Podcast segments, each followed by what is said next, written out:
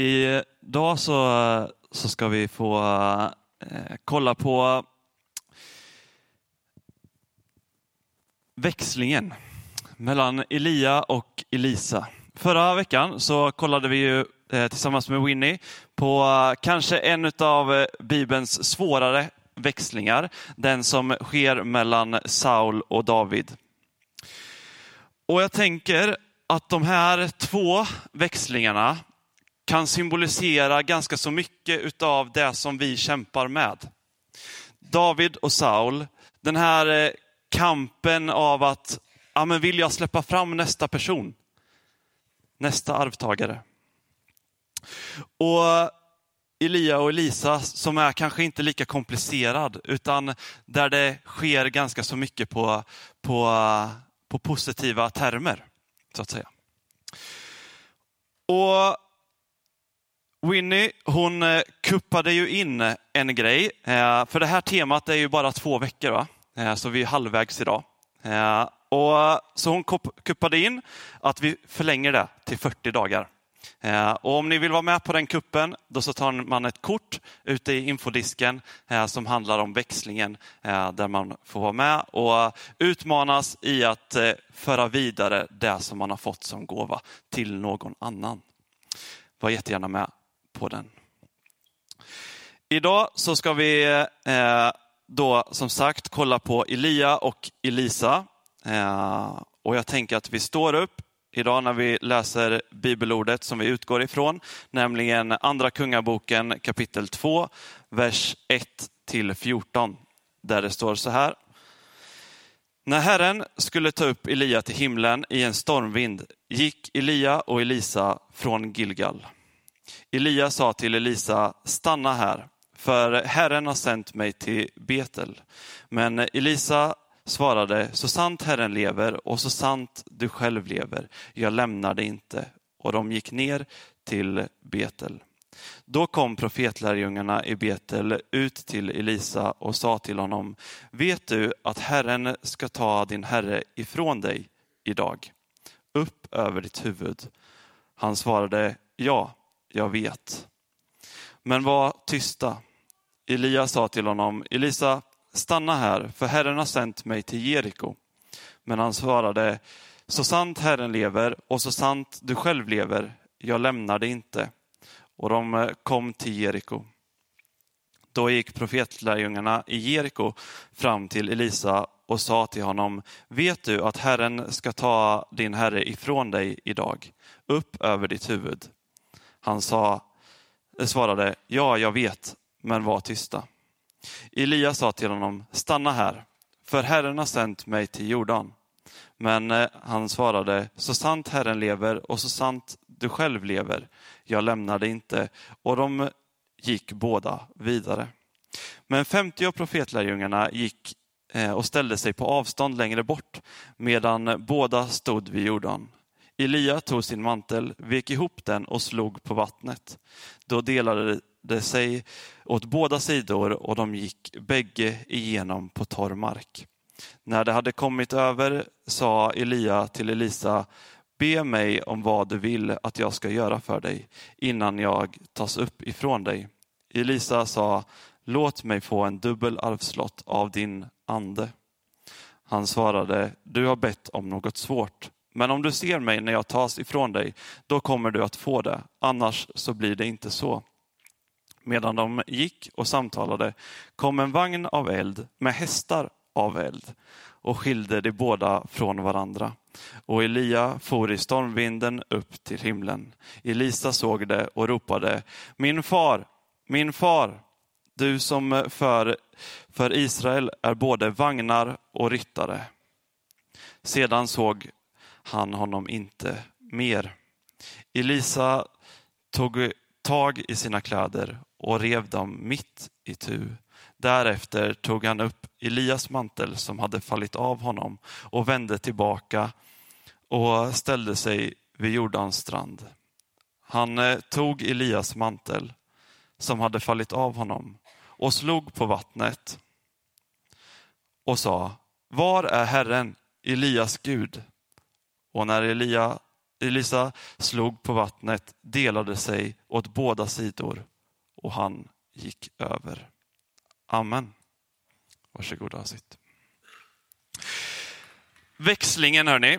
Den här eh, generationsskiftet av att föra över kunskap till, eller från en person till en annan. Jag tänker att det är någonting som är eh, oerhört viktigt. Vilket arv är det som du skickar med in i nästa generation? Växlingen den är av yttersta vikt och det handlar som sagt om vilken legacy, vilket arv som vi lämnar efter oss. Och idag så ska vi kolla på tre aspekter för en lyckad växling. Och om jag kollar på den här texten så skulle jag kunna hitta typ 57 olika spår att välja här. Eh, för det innehåller så mycket. Men jag har valt att koka ner det till tre stycken och en av de här grejerna är inte ens från den här texten. Eh, utan det handlar om det första mötet eh, som sker mellan Elia och Elisa. Det handlar om platserna och det handlar om manteln. Och jag tänkte att vi hoppar direkt in i det, in i det där första mötet. Den där introduktionen som jag tänker är så viktig för oss, det där första mötet. Jag vet inte vad du tänker när det kommer kanske en ny arbetskamrat till din, eh, till din eh, arbetsplats eller vad du tänker när det kommer en, en, eh, en, en ny student in i din klass. Men jag tänker att vi får ganska så mycket liksom förutfattade meningar utifrån det där. Och En grej som, som vi ser, det är att Elia i det här första mötet, när vi möter honom i bibeltexten för första gången, så står det, det här är Elia och han kommer ifrån den här platsen. Sen så hoppar de direkt in i en händelse där Elia får i uppdrag att tillrättavisa kung Ahab. Och bara några versar tidigare så beskrivs kung Ahab som Israels värsta kung so far. Honom får Elia uppdraget att tillrättavisa, han och hans fru Isabel.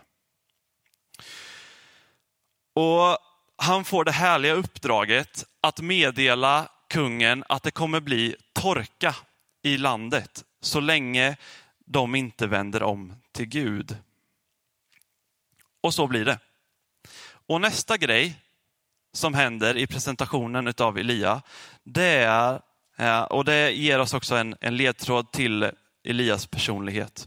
Den första punkten då, det är att han är en man som har mycket auktoritet eftersom det första vi får veta om honom, det är att han får kliva in för kungen utan vidare introduktion. Den andra grejen, det är att han är en man av tro. Och i det andra som händer, det är att Gud eh, leder eh, Elia ut i öknen för att han ska få gömma sig från kungen och drottningen. Som inte riktigt uppskattar den här profetian som, som han ger. Och Gud säger till honom att i öknen där du kommer få gömma dig så kommer du att hitta en, en bäck. Eller en, en å eller en flod eller hur vi nu eh, beskriver det. Och där så kommer det komma korpar som kommer att ge dig den mat som du behöver. Och så går det där vidare. Och eh, Elia han klarar sig undan eh, Ahab och hans armé. Och så händer det, eftersom det inte regnar i landet så tar ju den där bäcken slut på vatten. Och först då så talar Gud på nytt till Elia. Och han eh, får orden till sig att han kommer att han ska bryta upp därifrån och att han ska gå och möta en änka och den här änkan kommer att ge honom mat. Men när han möter den här änkan så har inte hon speciellt mycket mat, utan allt hennes är nästan slut. Hon har bara lite olja och lite mjöl kvar som kommer räcka till henne och hennes son. Men Elia, han profeterar att den här, det här mjölet, den här oljan, den kommer räcka tills torkan är slut. Och så gör den. Mjölet och oljan, den räcker. Och en stund senare så ser vi att den där pojken, den där änkans pojke, han dör. Rätt vad det är så, så dör han. Och änkan hon vänder sig till Elia och säger, nu har du kommit hit och så nu händer det här, du är en man av tro. Och Elia ber för den här pojken. Och efter att han har bett för pojken tre gånger så kommer pojken tillbaka till livet. Elia är en man av tro. Det är liksom den introduktion som vi får till Elia. Och när det går vidare så har vi den här häftiga Eh, berättelsen om när Elia får uppdraget att utmana Baal och Baals profeterna. Baal som är kungen eh, som får representera regn och åska. Honom möter eh, Elia här. Och han besegrar Baal och Baals profeterna genom att Gud skickar ner eld från himlen på det här altaret som är dränkt av vatten. En man av tro.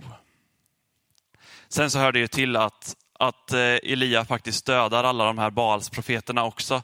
Eh, och i det i sin tur så blir ju faktiskt Ahab och Isabel ganska så eh, förbannade på, på, på Elia här. Och Elia han blir ganska så skraj, så han eh, sticker ut i öknen och gör som den förra gången när han eh, eh, tillrättavisade kungen och drottningen. Men den här gången, det som skiljer sig den här gången, det är att Gud inte har sagt till honom att han ska, ska ut i öknen. Så Gud frågar honom, vad gör du här? Har jag sagt åt dig att gå hit? Nej, det har jag inte. Och det är i det här skeendet som Elia och Elisa möter varandra för första gången. Och Gud talar till honom, eh, till Elia, och att han ska få möta en man som heter Elisa. Och Då står det så här i första Kungaboken kapitel 19, vers 19-21. När Elia sedan gick därifrån fann han Elisa. Och Vi ska komma ihåg då att det där, där han gick därifrån är en plats där Elia är ganska så, så sårbar. Han går in i en depression utav det som han har gjort, eh, kan vi säga. Det är så jag tolkar det i alla fall. Och när Elia går därifrån, när han har fått göra upp med det där och Gud talar till honom igen, så säger han, eh, och då går han därifrån och han finner Elisa, Safats son, som höll på att plöja. Han hade tolv par oxar som gick framför honom och själv körde han den tolfte, det tolfte paret. Elia gick fram till honom och kastade sin mantel över honom. Då släppte han oxarna och skyndade efter Elia och sa, låt mig först få kyssa din far och, eh, min far och min mor, så ska jag sedan följa dig. Är inte det här bara spännande? Jag vill bara, det här är en riktig parentes, men ändå, jag vill bara poängtera det. Är det inte väldigt spännande att att Elia bara går fram och kastar sin mantel. Och sen verkar det som att han bara går därifrån. De verkar inte prata så mycket mer, utan han bara går därifrån.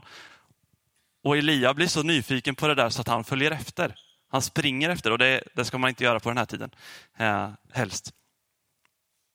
Bara en parentes. Jag har inte kommit fram till varför det är så här. Men någonting som jag kommer att tänka på det är att det sker samma sak med lärjungarna. När Jesus säger kom, följ mig. De tvekar inte speciellt mycket, utan de bara följer. Jag tänker eh, spontant då att det här handlar om auktoriteten och tron som Elia bär på.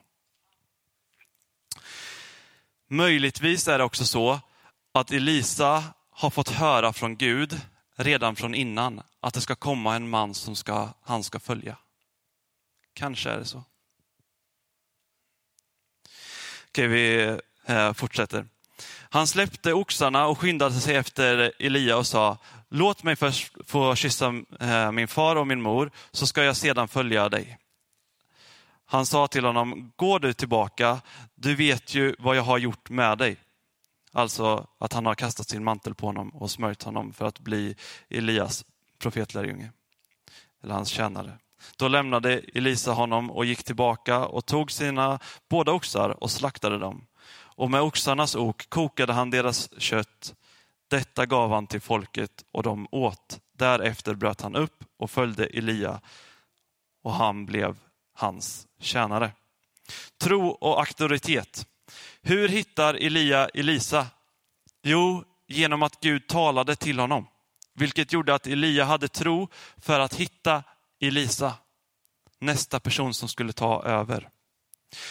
Trots den där utsatta positionen av att vara jagad av kungen och drottningen, så litar han på Gud. Han vänder om till Gud och litar på Gud igen att han ska förse. Och han visar honom Elisa. Och jag tror att det är det jag vill skicka med från den här punkten. Gå på det som Gud säger och lita på att tron håller. För den tar dig vidare, hur snårigt det än ser ut att vara. Det är i alla fall vad jag lär mig av mötet med Elia.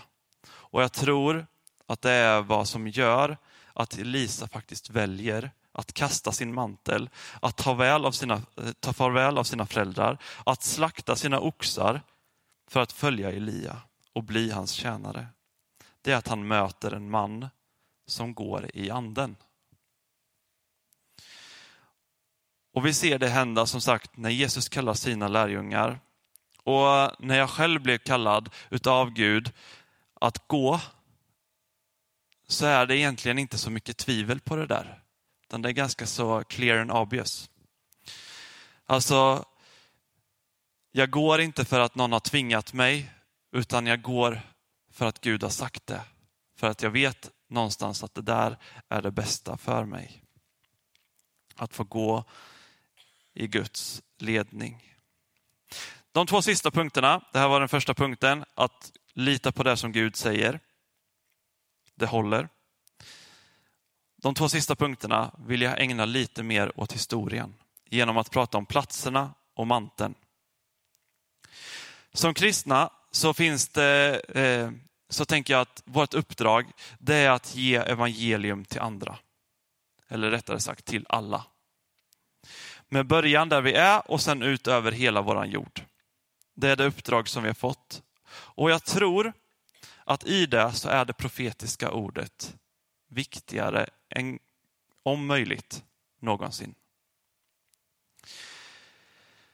Och en sak som jag finner väldigt intressant i den här texten, den första texten som vi, som vi läste, det är att det står att det finns profetlärjungar till varje plats som Elia kommer till. Och Elisa kommer till. Och de här, de profeterar ju rätt. De säger, hej, vet du att din eh, mästare ska, ska ryckas upp över ditt huvud idag? Och eh, Elisa säger, ja jag vet, men säg inget, säg inget. Det blir lite dålig stämning då.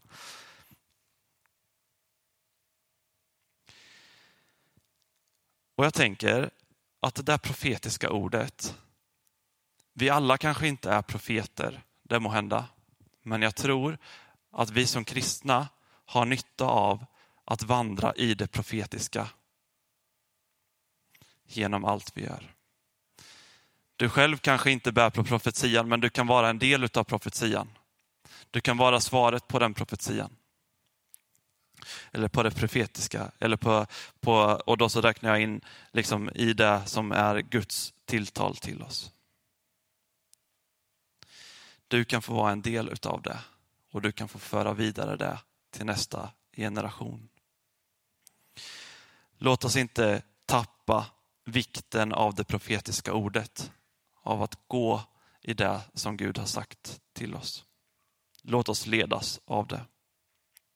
Det andra som jag märker, lägger märke till med de här platserna, det är att Elia vet att det här är hans sista tid. Och av någon anledning så vill Gud att han ska besöka de här platserna och ta med sig Elisa till dem.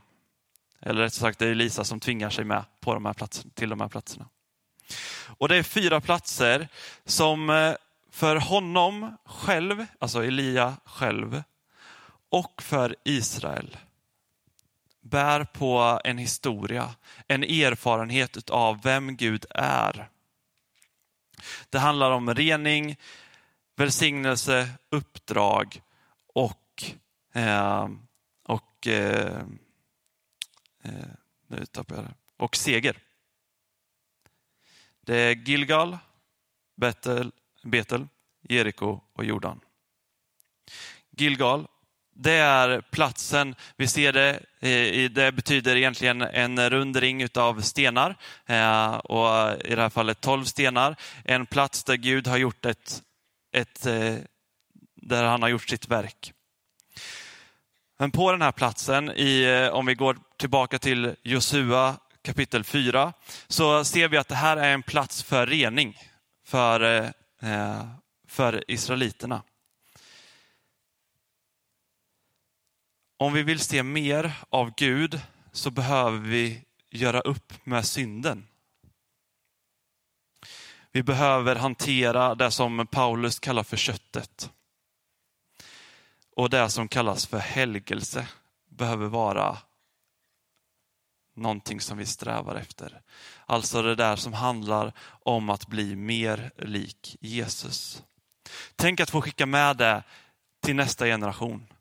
Få utmana nästa generation att, att bli mer lik Jesus.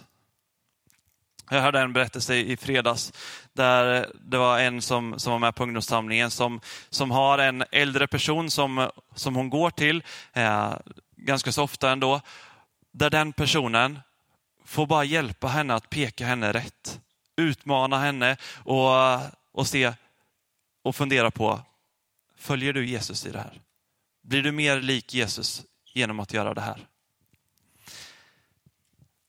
Gilgal, en plats för rening. Bethel, äh, Betel, äh, jag har varit i USA så jag får kalla det Bethel, säger vi. Äh, och där hittar vi platsen i första Mosebok.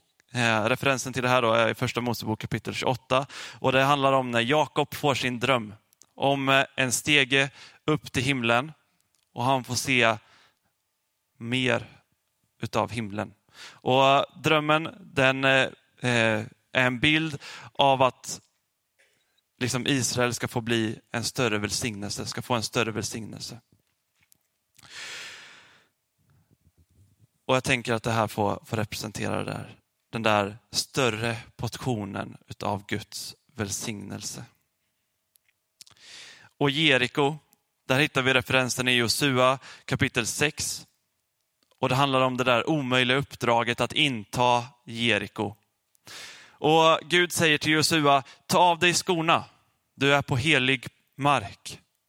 Och när vi läser vidare i Bibeln så är inte Jeriko en speciellt helig plats. Men vid det här tillfället så är det faktiskt det. För att det är där de kommer ta inta, till att inta det heliga landet.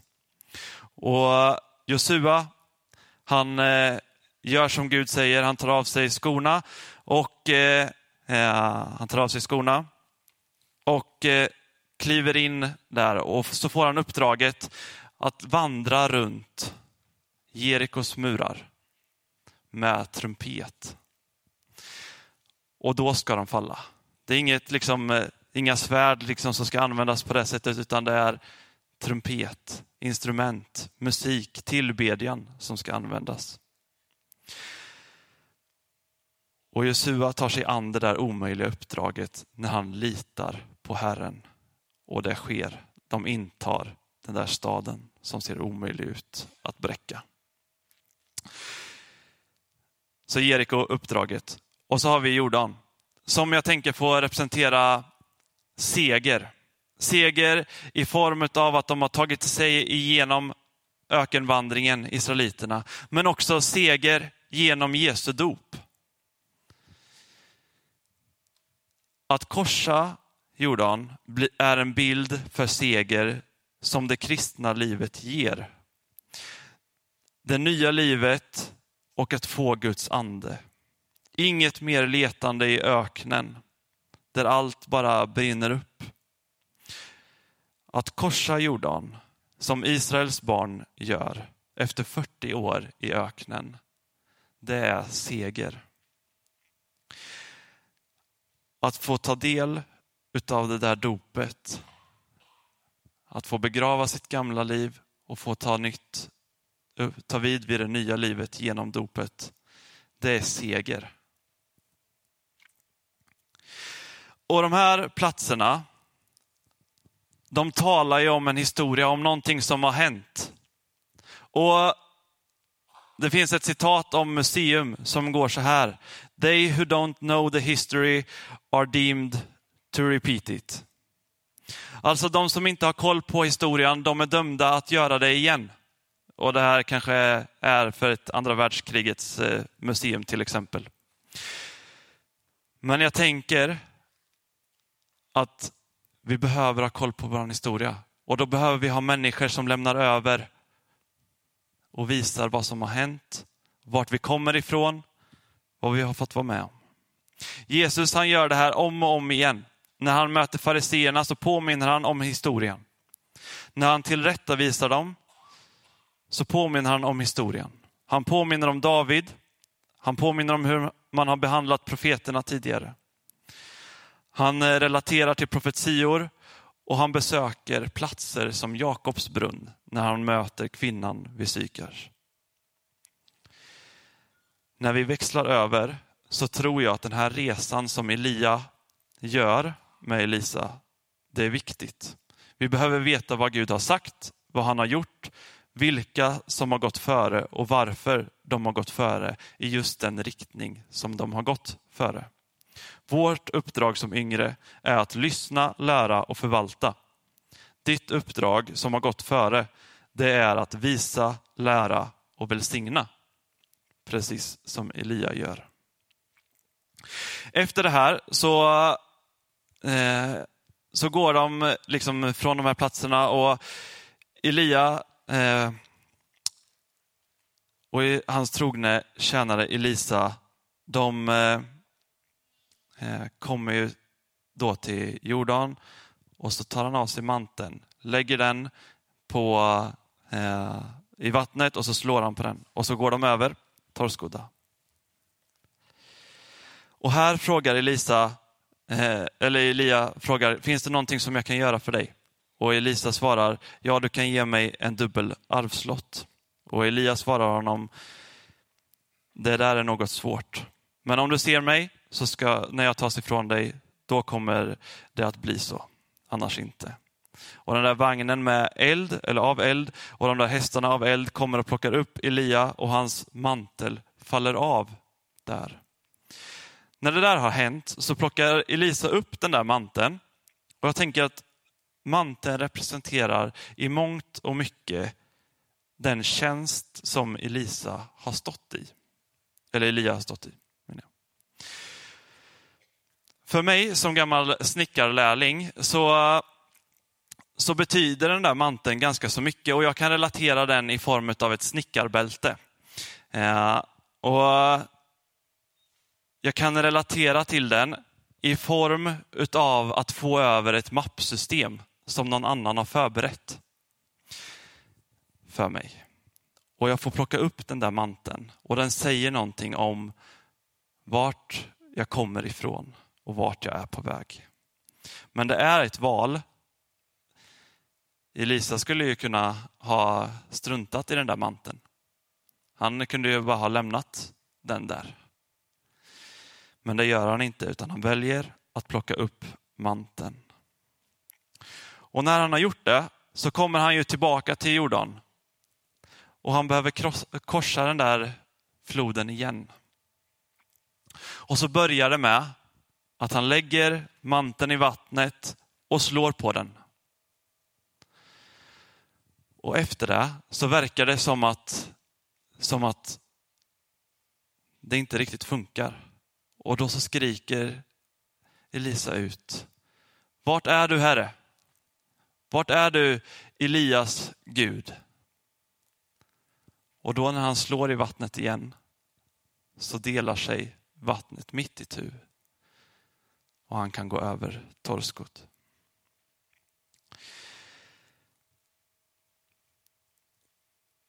Gud har kallat oss att nå vår generation. Det innebär att eh, platsen, sättet och hur vi gör saker och ting, det behöver inte vara densamma. Detsamma är vikten av att tro på Gud. För Gud är den som är densamme igår, idag och imorgon. Och vårt uppdrag det är att nå vår generations hjärta. Och jag tror att det är vad manteln behöver inspirera till. Att nå vår generations hjärta. Inte på samma sätt som tidigare generation har gjort. Eller så, utan det handlar om tron. Att nå in i nästa generations hjärta. Du vet, manteln verkar, det är inte manteln som kraften verkar sitta i. Utan det verkar vara i bönen av att Herre, var är du? Och vittnesbördet blir för Elisa när de där 50 profetlärjungarna står där på berget och ser vad som händer. Det är Elias ande vilar över Elisa. Gud är med honom. Elisa vänder sig till Gud. Det är Gud som har kraften, Gud som gör under, han som renar och han som välsignar. Gud har kallat oss att nå vår nästa generation. Och den där manteln, eller det där verktygsbältet, eller det där mappsystemet som du har fått och som du har fått i uppdrag att ge vidare. Det kanske inte verkar som speciellt mycket. Det kanske bara är ett dokument. Eller det kanske bara är ett bälte som inte alls ser ut mycket för världen. Det kanske ligger lite skruv. Det kanske följer med någon tumstock, vad vet jag. Men det är ju faktiskt så att det är inte den där manteln eller det där bältet som, som gör det. Utan det är kunskapen av att ha gått med någon som har gått före som gör grejen. För utan den där kunskapen så hade inte hammaren eller spiken eller vad det nu är. Jag hade inte vetat vad jag skulle göra med det. Men jag vet det eftersom jag har gått med min mästare. Att gå med en mästare, med någon som har gått före, det skapar utrymme för dialog, det skapar utrymme för prövning av mästarens kunskap. Det skapar utrymme för att prövas på, utrymme för att välsigna, utrymme för att uppmuntra andra och utrymme för att gjuta mod in i lärlingen som mästaren leder. Och det var vad som satt i det där bältet som lämnades över. Det var vad som satt i, det där, i den där manteln som lämnades över. Och jag tänker att det där egentligen handlar om tid. Hur mycket tid du lägger ner är så betydelsefullt för vad du lämnar efter dig. Vilken legacy vi lämnar efter oss i den där manteln. Och den där manteln som Elia då lämnar efter sig, den talar om tro. Den handlar om auktoritet, att faktiskt göra ännu större saker än vad jag har fått vara med om eller min mästare har fått vara med om. För Elia, eller Elisa ber ju om en dubbel arvslott. Och jag ska gå in för, för landning så lovsångsteamet kan få, få komma upp om ni vill. Han ber om en dubbel arvslott. Och det är faktiskt så att Elia, han gjorde 14 stycken under, eller jag säger, sju stycken under. Och Elisa gjorde 14 stycken, dubbelt så många. Jag tänker att det där inte är en tillfällighet utan det är ett sätt att visa på den här dubbla arvslotten. Och Jesus säger till oss att den som tror på mig ska göra de gärningar jag gör och större än så. När sen Petrus går ut på gatan i Apostlagärningarna kapitel 3 så säger han, silver och guld har jag inte, men, det, men vad jag har, det ger jag dig. Och han räcker ut handen och reser upp den lame mannen. Han tar vid vid det som mästaren har gjort. Växlingen för vidare en tro som bär. Växlingen hjälper oss att veta vart vi kommer ifrån och vart vi är på väg. Växlingen förbereder oss för större ting än eh, vi tidigare har fått vara med om. Dubbelt så mycket i arvslott. Vi ska få göra större under än mästaren har gjort. Vandra med mästaren. Du som är lärling, du som är ung. Ta tid med din mästare. Du som är mästare, ta tid med din lärling. Och förringa inte den uppgift som du har och är satt att göra. Växlingen, den är utmaningen, men det är den som är häftig att se.